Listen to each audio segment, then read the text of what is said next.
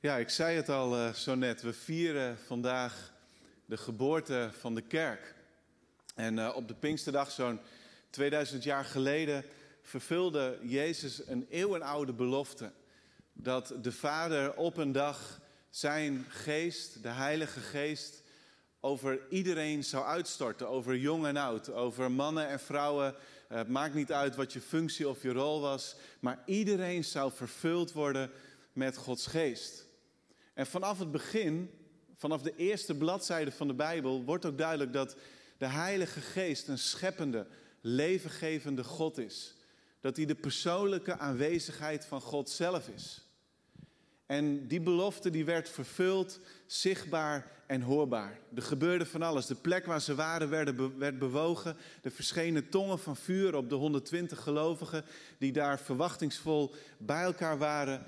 En Jezus had tegen die mensen gezegd: Jullie moeten op mij wachten. Ga naar de bovenzaal in Jeruzalem en wacht daar, verwacht daar iets van mij.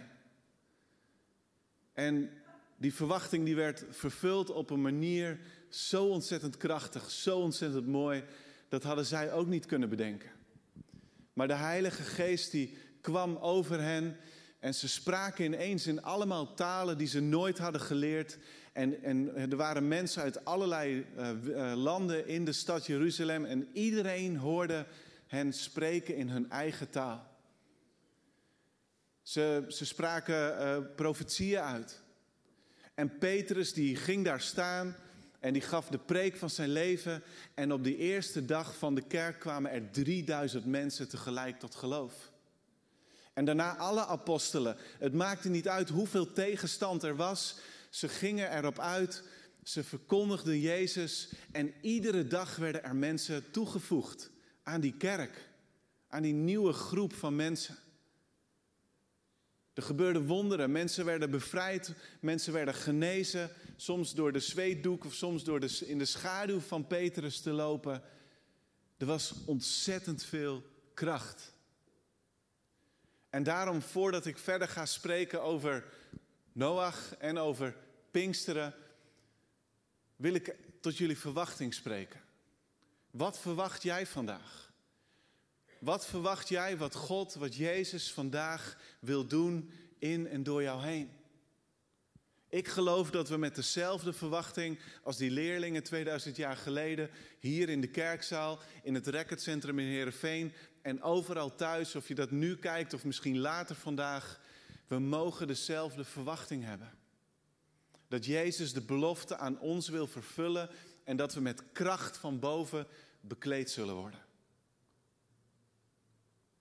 En we gaan nu vandaag naar Pinksteren kijken aan de hand van het leven van Noach. En ja, dat is een beetje verrassend, maar ik ga het zo uitleggen. Maar we beginnen met een nieuwe serie, Het Geheim van Geloofshelden. En vandaag Noach. En dan gaan we de komende weken kijken nog naar Abraham, Rebecca en Jozef. En we gaan ontzettend veel leren van die inspirerende mensen die een leven lang al hebben geleefd. We kunnen letten op hun einde, zegt Hebreeën. We kunnen zien hoe het hun is vergaan. En we leren dan ontzettend veel over hoe zij God vertrouwden. Hoe zij het onbekende tegemoet gingen. Alleen maar God was zeker. Hoe ze door hoogtepunten gingen, maar ook door de diepste dieptepunten in het leven. Hoe ze verbleven vertrouwen op God of hun vertrouwen weer terugvonden. Het wordt weer een hele mooie serie. Door te kijken naar die vier mensen. En vandaag Noach. En wat is er nou het verband tussen Noach en Pinksteren? Lezen jullie mee. Het evangelie in een geslachtsregister. Het blijft nog een beetje cryptisch, maar het wordt duidelijker. De Bijbel is een heel rijk boek. En ik geloof allereerst dat iedereen de Bijbel kan lezen. Of je nou ervaring hebt met de Bijbel of niet, of je nou al heel veel weet of niet, iedereen kan het boek pakken, kan het gaan lezen en kan gaandeweg steeds meer begrijpen en leren toepassen wat er staat. En toch zul je op een gegeven moment ook ontdekken dat er een bepaalde wijsheid in verborgen zit, die te maken heeft met de taal en met de culturele en met de historische achtergrond waarin alles is geschreven, dat je daarvoor soms iemand anders nodig hebt. Leraren, mensen die de taal kennen, mensen die zich erin hebben verdiept. En toen ik begreep dat ik het met Pinkster over Noach moest hebben, toen dacht ik eerst, uh, dankjewel Nicola, leuke opdracht. En toen dacht ik, huh, wat is het verband? Waar moet ik het over hebben? Maar direct daarna kwam mij in herinnering iets wat ik denk ik zo'n twintig jaar geleden hoorde van een bijbelleraar die hier was, Peter Steffens. En ik dacht, volgens mij moet ik daar iets mee. En in een hoofdstuk wat de meesten van ons zouden overslaan, staat een prachtige en profetische boodschap. En dat gaat over, of ik heb het over Genesis 5. En ik lees er maar een paar versen uit. Er staat, dit is het boek van de afstammelingen van Adam. De Genesis van Adam.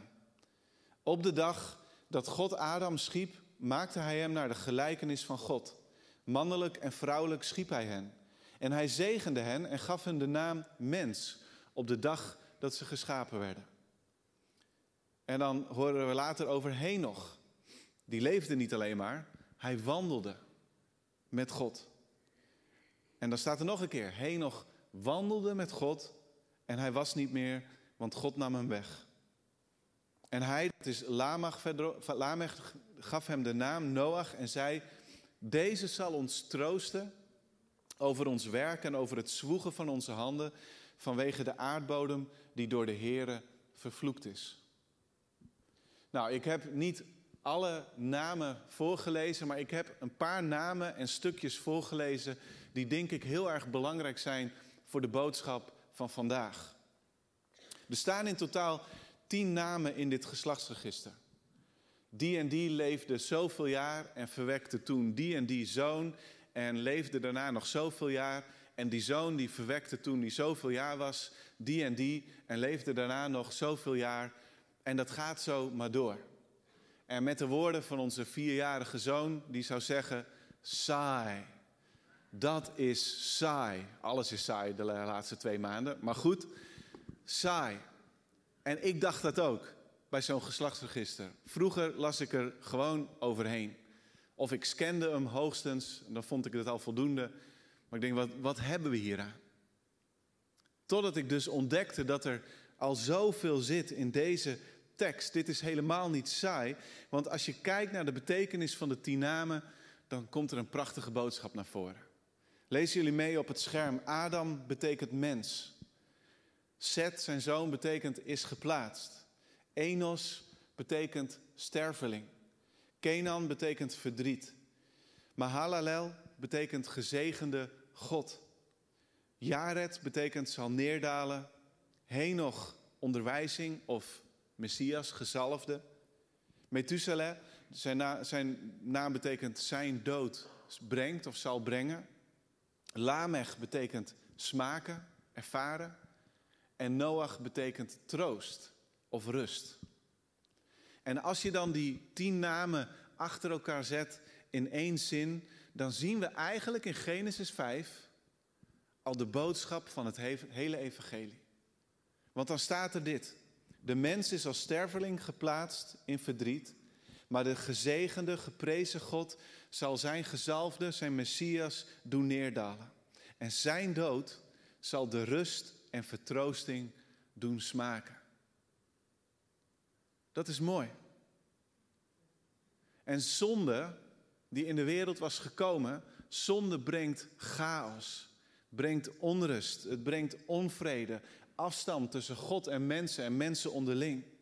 Maar de Messias, de gezalfde, Jezus dus, is uit de hemel neergedaald en zijn dood aan het kruis brengt ons allemaal herstel en rust en vrede. Jezus kwam om mensen die vermoeid en belast zijn, um, om, om die rust te geven. Hij kwam, zegt hij, om vrede te brengen, een andere vrede dan die van de wereld. Hij kwam om uiteindelijk alles terug te brengen naar de toestand waarin het eigenlijk was bedoeld. Om alles te herstellen. En Noach die leefde in een tijd van chaos. Het is ongelooflijk, maar er was niemand meer die rechtvaardig leefde. Behalve hij. De godenzonen, en we weten eigenlijk niet precies wie dat nou waren. Waren dat nou engelen, gevallen engelen? Waren dat nou misschien de heersers van die tijd? Maar in ieder geval, de godenzonen, zegt Genesis, verwekte kinderen bij vrouwen. En daaruit werden reuzen geboren. Geweldenaars. En dat betekent niet heel veel goeds als je een geweldenaar wordt genoemd. Deze reuzen brachten alleen nog maar meer onrecht en, en onrust teweeg. Alles wat de mensen bedachten was slecht.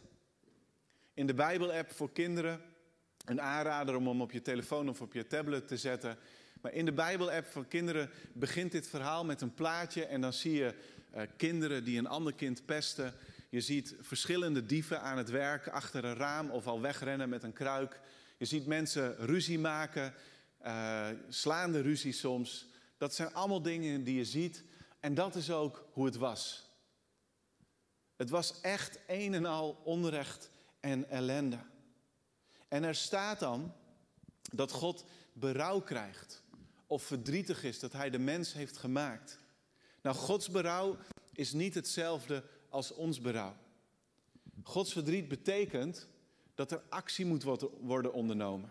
Niet dat hij een fout heeft gemaakt en dat hij denkt van, oh, had ik dit maar nooit gedaan. Maar er moet actie worden ondernomen. Zijn berouw staat er eigenlijk voor dat hij zijn doel met de schepping opnieuw wil handhaven. Dat hij wil herstellen wat gebroken is. En in de tijd van Genesis 6 doet God dat door Noach en zijn gezin.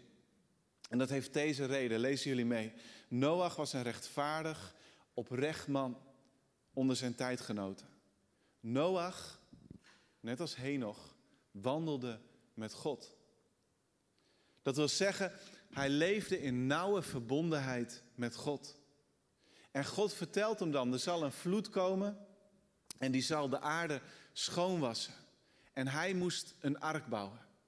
En hij krijgt een heel mooi gedetailleerd plan om een ark met drie verdiepingen te bouwen. Wat voor hout, uh, hoe dat er allemaal uit moet zien, hoe de beluchting voor elkaar komt, hoe die waterdicht blijft, enzovoort, enzovoort. En Noach bouwt dat, uh, dat verschrikkelijk grote schip. En hij en zijn zonen met alle vrouwen, die worden uh, daarin gered samen met één of zeven paar van alle dieren. En zoals de geest al ten tijde van de schepping over de wateren zweefde, en heel, heel goed kun je dan eigenlijk denken aan een vogel of zelfs een duif die over de wateren zweefde, zo doet Noach op een gegeven moment een duif over die wateren zweven om te kijken, is de chaos hersteld? Is het water weggetrokken? Ziet de aarde er weer een beetje uit zoals God dat heeft bedoeld? En als dan de ark strandt, dan kan iedereen de ark verlaten. En dan lezen we het volgende in Genesis 8. Noach bouwde een altaar voor de Heer. Daarop bracht hij brandoffers van al het reine vee en alle reine vogels. De geur van de offers behaagde de Heer. Er staat letterlijk de rustgevende geur. En voor dat rustgevende staan ook weer dezelfde medeklinkers als in de naam van Noach.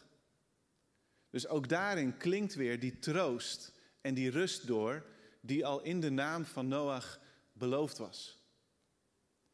Maar dat offer, dat behaagde dus God. Het doet God plezier. Dat stemt hem vreugdevol. En het was een offer, let wel, van reine dieren en reine vogels. Wij denken en zingen en lezen vaak in kinderbijbels, alle dieren kwamen twee aan twee. Maar stel je nou voor dat er twee koeien waren, een mannetje en een vrouwtje. En Noach die is bezig om de stier te slachten en legt hem op het vuur. En hij hoort zijn vrouw roepen, Noach, wat doe je nou? Dat was het enige mannetje en zijn vrouw is nog niet zwanger. Dan hadden we vandaag geen biefstuk gehad, dan hadden we geen melk gehad, tenminste geen koeienmelk. We hadden heel wat gemist, maar gelukkig. God zei, van alle reine dieren komen er zeven paar in de ark. Dus het is allemaal goed gekomen.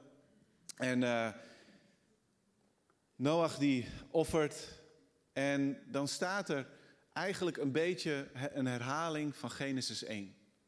Er staat dat zoals God Adam en Eva zegende, zo zegent hij ook Noach en zijn zonen. Hij geeft hen een taak, hij geeft hen een roeping voor deze wereld.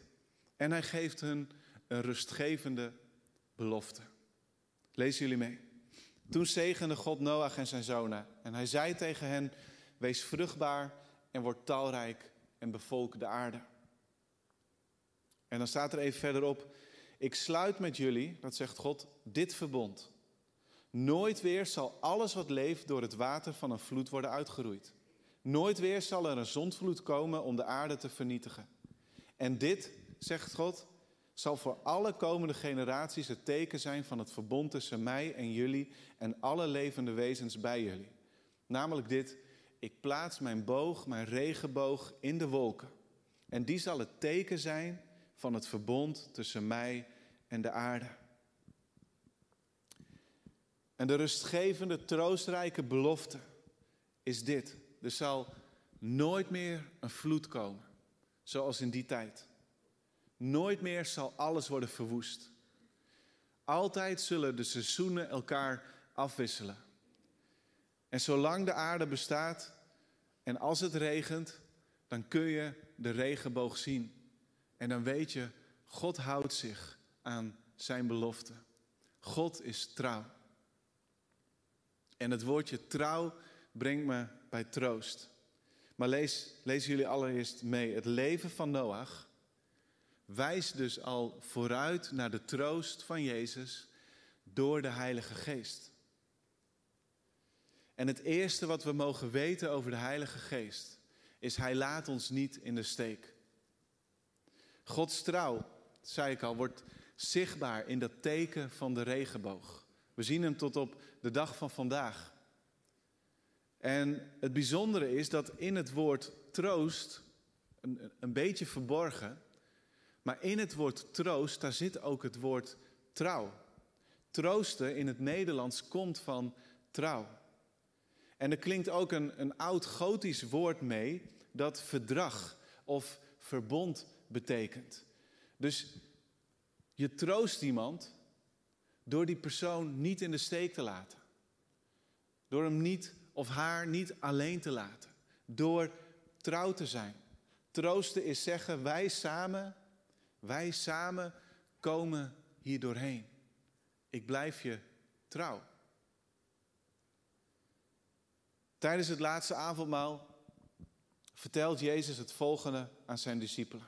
Johannes 14. Dan zal ik de Vader vragen jullie een andere pleitbezorger te geven, die altijd bij je zal zijn, de geest van de waarheid. De wereld kan hem niet ontvangen, want ze ziet hem niet en kent hem niet. Jullie kennen hem wel, want hij blijft bij jullie en zal in jullie zijn. Dus op verzoek, en dat gaat wat verder dan vragen, dat is wat sterker. Op verzoek van Jezus zal de Vader aan de discipelen en ook aan ons vandaag de Heilige Geest geven. En Johannes noemt hem hier een pleitbezorger. Er staat in het Grieks parakletos. En parakletos is letterlijk erbij geroepen. En als je dat zou overzetten in het Latijn, dan is dat advocatus. Dus de Heilige Geest is als het ware onze hemelse advocaat. En breder dan dat, hij is een helper. En er klinkt ook in door, hij is een trooster. En dat hebben de Griekse kerkvaders ook vaak benadrukt. Hij is een helper en een trooster. Meer dan dat juridische aspect van hij pleit voor ons. Wat ook belangrijk is, hij is een trooster. En tegelijkertijd, hij pleit ook voor ons. Jezus doet dat nog steeds in de hemel. En de Heilige Geest doet dat op aarde door in ons te wonen. En Jezus noemt hem een andere trooster. Dat betekent dat Jezus zichzelf dus ook als helper ziet. En Jezus is nog steeds onze helper. Het Nieuwe Testament maakt duidelijk dat Jezus in de hemel is, niet om weg van ons te zijn of dan in zijn plaats de Heilige Geest te sturen, maar we hebben nu eigenlijk twee goddelijke helpers. Die elkaar versterken, die elkaar aanvullen. En Jezus bidt en pleit voor ons in de hemel en maakt een plek voor ons gereed. En de Heilige Geest is onze helper, onze ondersteuner hier op aarde. We zijn niet alleen achtergebleven. De hulp is verdubbeld. En nu is de belofte waarheid geworden zoals we die al vinden in Jesaja 66. Lezen jullie mee. Zoals een moeder haar zoon troost, zo zal ik jullie troosten. In Jeruzalem zul je troost vinden. Dus er is een belofte van troost. Zoals een moeder haar kind troost. Afgelopen vrijdag hadden wij onze vaste traditie, spelletjesavond, opblijfavond. En uh, terwijl we uh, een spelletje deden, waren net bezig, stoten Eva per ongeluk een kop hete thee om over Joa heen. Dus Joa meteen keihard gillen, springt op, wij springen allemaal op. En hij had een, een, een korte broek aan, die een beetje los zat, dus die konden we heel snel uitdoen. En meteen een koude doek erop naar boven. En daar had mijn zus, die er ook was, had de douche al aangezet. Dus we hebben uh, tien minuten of zo hebben met uh, stromend water eroverheen. En er is niks meer te zien, gelukkig. Maar het was loeihete thee. En natuurlijk, Joa was enorm geschrokken. Dus we hebben daarna de rest van de avond heel veel met hem geknuffeld. En het spelletje nog afgemaakt. Maar extra, een, een extra huk was wel op zijn plaats. En dat is precies hoe God ook naar ons kijkt. Als wij rondlopen met een soms letterlijk en anders figuurlijk een brandende pijn, dan schiet Hij te hulp. Om ons te troosten, om te doen wat nodig is, om ons op schoot te nemen, om ons te knuffelen eigenlijk. En ook door zijn Heilige Geest.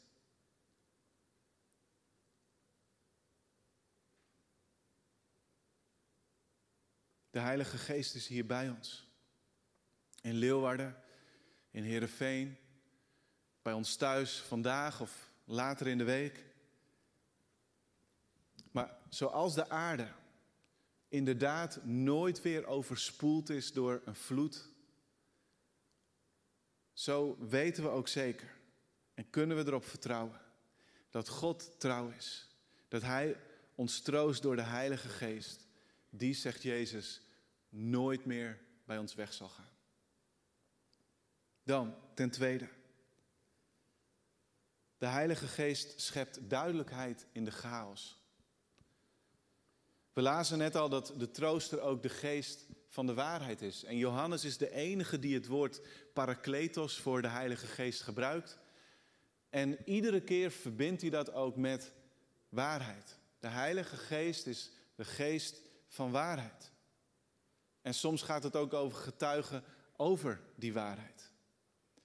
Ik wil twee teksten uit het Johannes-evangelie met jullie lezen. Johannes 14, vers 26, daar staat... Later zal de pleitbezorger, de Heilige Geest... die de Vader jullie in mijn naam zal zenden... jullie alles duidelijk maken. En alles in herinnering brengen wat ik tegen jullie gezegd heb. In Johannes 15, maar wanneer de trooster is gekomen, die ik u zenden zal van de Vader, de geest van de waarheid, die van de Vader uitgaat, zal die over mij getuigen. En u zult ook getuigen, want u bent vanaf het begin bij mij. Dus de geest van de waarheid. En in zijn eerste brief zet Johannes die geest van de waarheid als het ware tegenover de geest van, uh, van de dwaling die erop uit is om mensen te verleiden.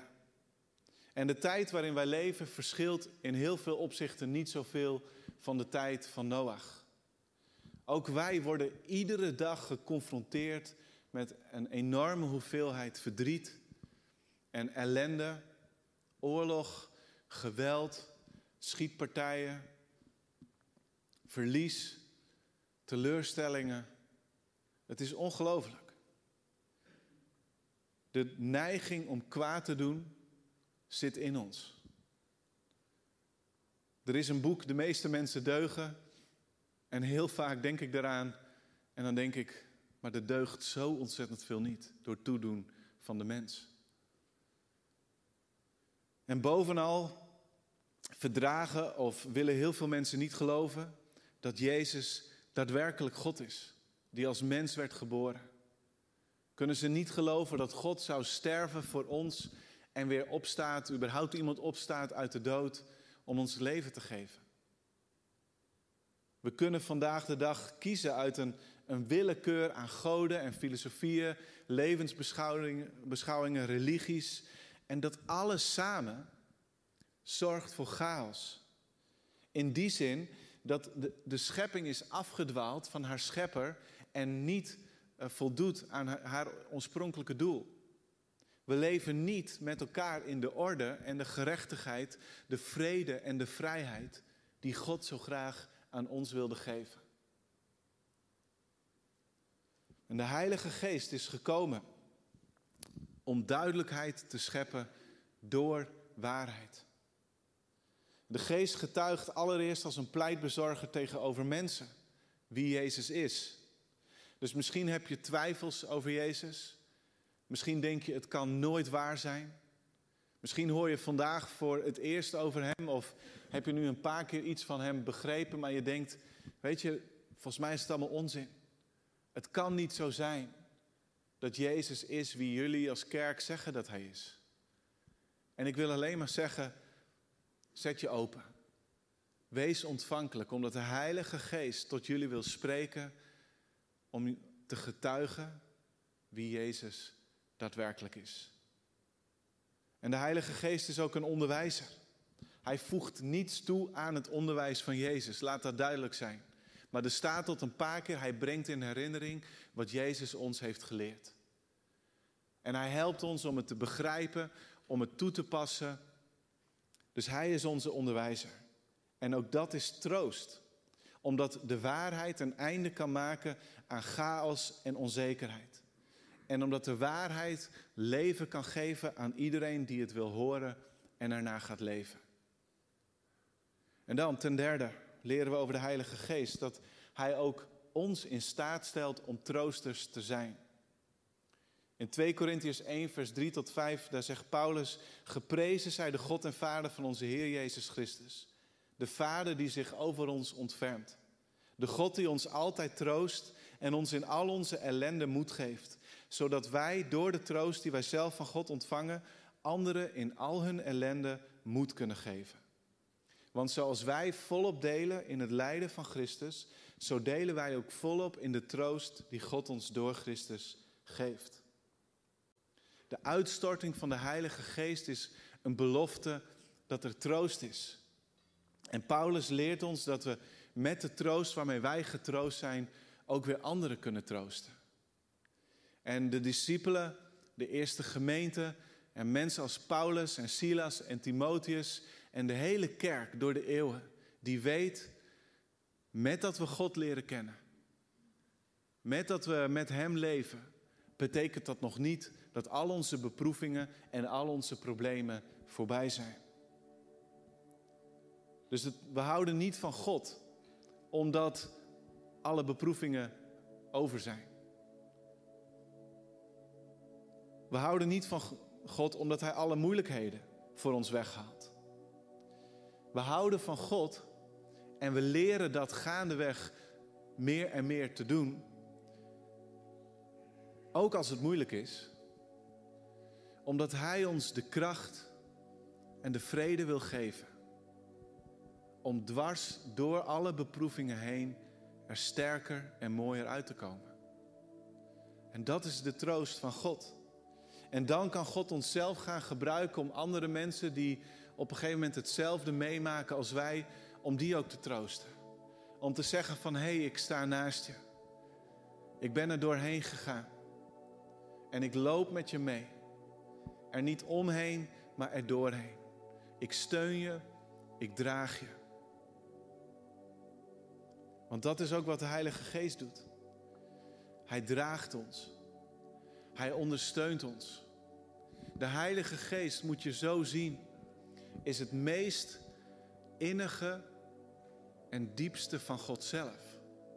Hij kent de diepten van God, staat er in 1 Korinthe. En die ontvangen wij. En die geest die staat borg voor ons. En daarom mogen we ons door Hem geborgen voelen bij God. Dus we mogen ons laten troosten. Vandaag mag jij je laten troosten door de Heilige Geest. En mogelijk op een dag kun je deze ervaring gebruiken om andere mensen te helpen. En dan als laatste, de Heilige Geest stelt ons in staat krachtig te zijn. Hij is onze trooster en onze helper ook in die zin dat hij dus ongelooflijk veel kracht vrijzet. Kracht om een getuige te zijn van Jezus. Kracht om vrijmoedig over Hem te blijven spreken. Kracht door een enorme diversiteit van gaven die Hij aan iedereen wil geven. En onze roeping om kerk van Jezus te zijn, om Zijn handen en voeten, Zijn lichaam te zijn, dat kan een hele overweldigende opdracht lijken. Maar daarom is het zo troostvol om te weten dat we het niet in eigen kracht hoeven te doen, maar dat de Heilige Geest in ons komt en allerlei gaven geeft. Er staat in 1 Corinthians 12, vers 4 tot 7, er zijn verschillende gaven, maar er is één geest. Er zijn verschillende dienende taken, maar er is één Heer. Er zijn verschillende uitingen van bijzondere kracht, maar het is één God die ze allemaal en bij iedereen teweeg brengt. In iedereen, in jullie allemaal, is de Heilige Geest zichtbaar aan het werk ten bate tot opbouw van de gemeente. Niemand uitgezonderd. En in deze brief van de Corinthiërs en door het hele Nieuwe Testament lezen we een enorm breed palet van gaven. Geen enkel rijtje is hetzelfde om maar aan te geven, er is zoveel diversiteit. Er wordt gesproken over een woord van kennis en wijsheid. Over gaven van genezingen.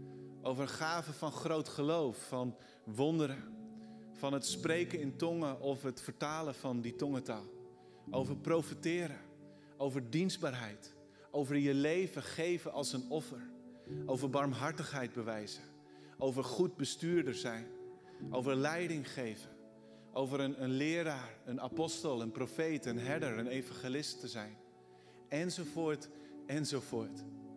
Het is een hele rij. En de Heilige Geest geeft deze gaven zoals Hij wil.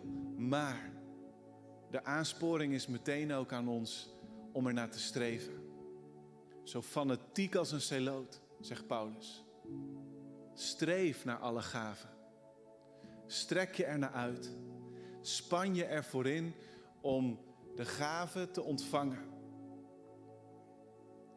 Zodat Gods koninkrijk meer en meer kan doorbreken. En alsjeblieft, onthoud dit. We kunnen de gaven op haar best niet missen. Omdat daarmee wij als kerk op ons best kunnen zijn. Niet in onze eigen kracht, maar door de kracht van de geest. Dus de Heilige Geest laat ons nooit in de steek. Hij schept duidelijkheid, hij schept orde in de chaos door de waarheid steeds maar weer in te prenten, te herhalen, te binnen te brengen.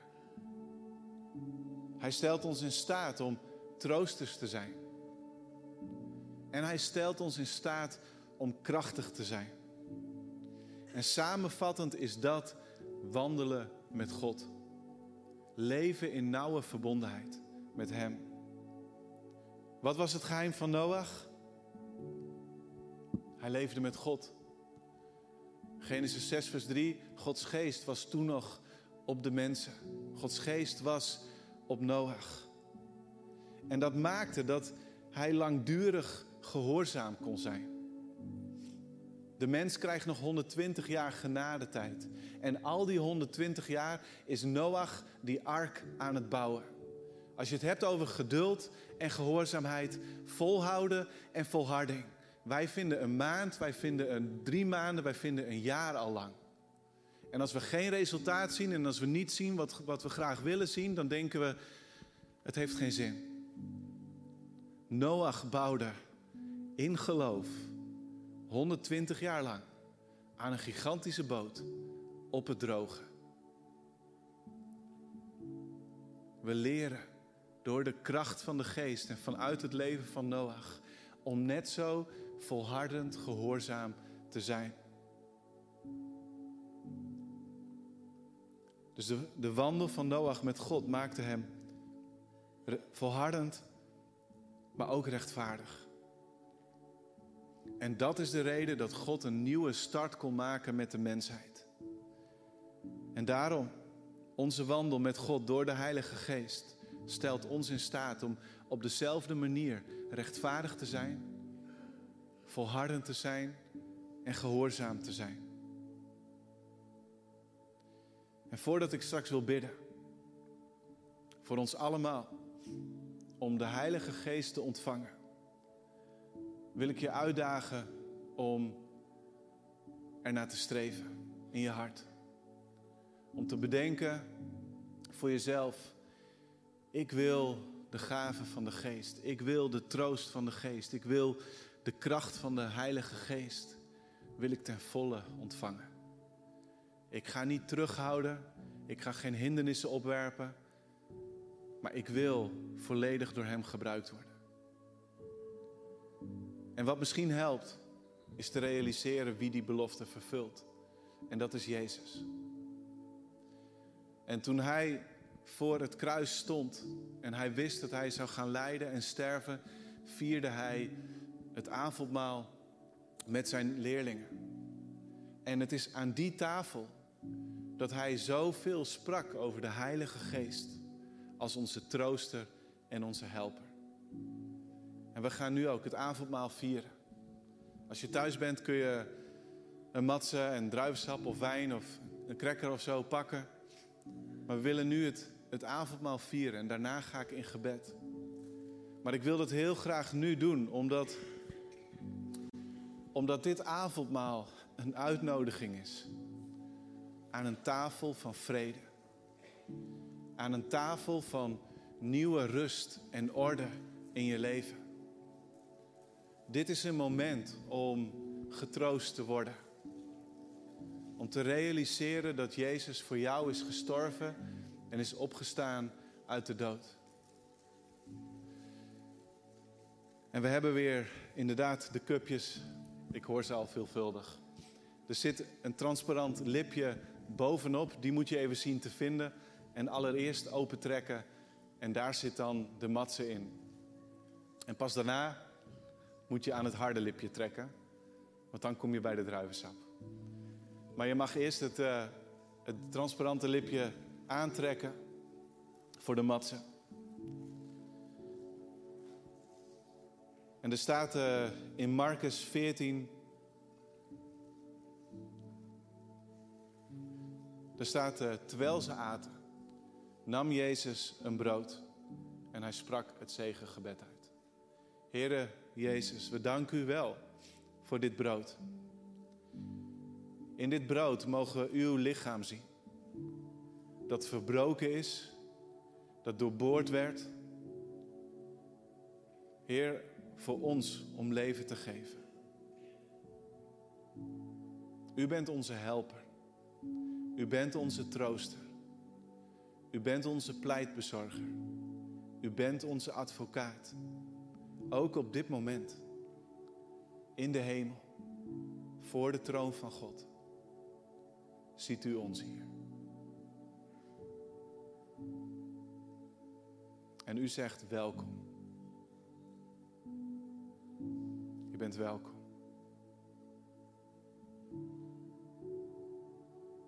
Je bent welkom. Ik wil je rust vrede geven. De zware last mag eraf. Kijk naar het brood. Zoals dat verbroken wordt, zo heb ik jouw zware lasten gedragen. Dus leg het af op dit moment.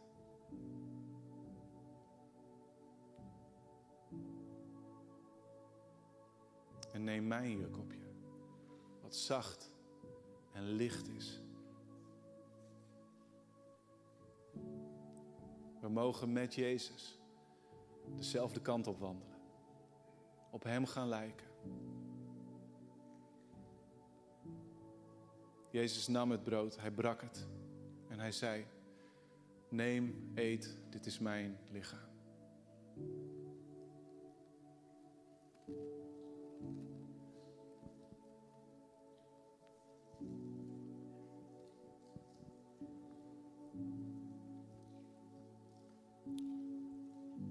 Jezus nam ook de beker. Hij sprak het dankgebed uit, gaf hun de beker en alle dronken hieruit. Ik hoop dat het iedereen lukt om hem open te maken. En Jezus zegt op dit moment tegen jou: Dit is mijn bloed. Het bloed van mijn verbond dat voor velen wordt vergoten. Zullen we Jezus eren en bedanken door te drinken.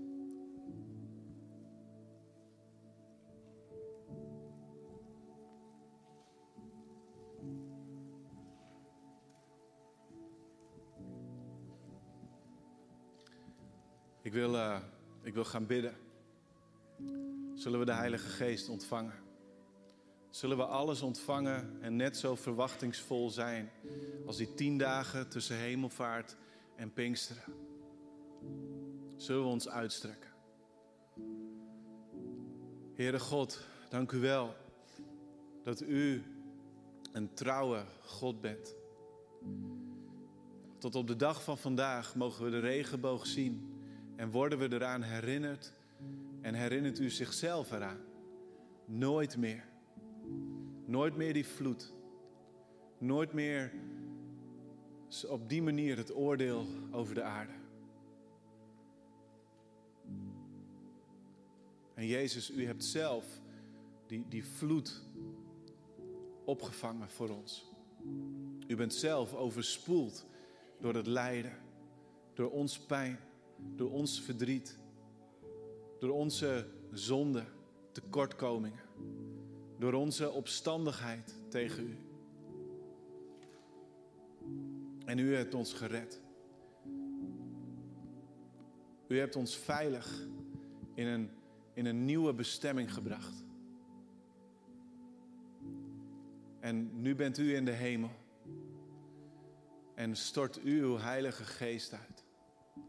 En we zeggen, Heilige Geest, kom, welkom, vul ons, overspoel ons, maak ons nieuw, maak ons rein, troost ons, geef ons kracht, genees ons, maak ons tot een wervelend vuur, onhoudbaar, zodat iedere dag mensen tot geloof komen Mensen worden genezen. Mensen worden bevrijd. Heilige Geest, kom. U bent onze, onze helper, onze trooster. En u wilt uw gaven geven aan ons op dit moment. In Jezus' naam. Kom, Heilige Geest. We danken u dat het Pinkster is. En we willen voor u juichen. We willen u groot maken. U bent onze drie-enige God, Vader, Zoon en Heilige Geest. U laat ons niet in de steek. En ik geloof dat, dat God vandaag jou zijn gave wil geven. Ik geloof dat we mogen uitstappen om nieuw terrein te winnen voor Gods koninkrijk. Ik geloof dat we met vrijmoedigheid getuigen van Jezus mogen zijn. En dat niets ons tegenhoudt, welke weerstand of tegenstand er ook is. We hebben goed nieuws. Jezus leeft en Hij is de helper. En Hij heeft een andere helper gestuurd die de trooster is, die, die er voor ons is, die ons kracht geeft. Heer, we schamen ons niet voor U, maar we willen gaan waar U ons zendt. We willen uw lichaam zijn, uw kerk zijn, ten volle zoals u dat hebt bedoeld. In Jezus' naam. Amen. Zullen we gaan staan? We gaan zingen. En we gaan ook weer de gelegenheid geven om naar de etagères te gaan. En een aantal van jullie hebben dat nog nooit meegemaakt. Maar in de hoeken van de zaal staan etagères waar mensen zo uh, nu naartoe mogen gaan. Die klaarstaan om voor jou te bidden. En het is gewoon goed soms als je geestelijk wilt groeien, als je een volgende stap wil zetten om ook fysiek een stap te zetten. Om uit de, uit de rij te komen, dat kan naar voren en dat is misschien wel spannend, maar er staan ook mensen achterin. Maar we willen heel graag voor jullie bidden. In Heerenveen, je kan na de dienst naar mensen van het kernteam met zijn t-shirt, daar kan je naartoe om voor je te laten bidden. En als je vanuit huis meekijkt of als je het later in de week ziet, ga dan naar onze website slash gebed. Um, of stuur een berichtje naar care.clcleeuwarden.nl als je zegt van ik wil ook voor me laten bidden. Ik heb hulp nodig. Ik wil meer ontvangen van God. Ik nodig je uit, laat het ons weten. Want we staan en zitten klaar voor je. We gaan God aanbidden, dus strek je uit naar Hem. Maar als je zegt, ik wil iets van God ontvangen. Ik wil die gave, ik wil die kracht, ik wil die troost. Kom dan naar iemand van ons toe in de hoeken van de zaal.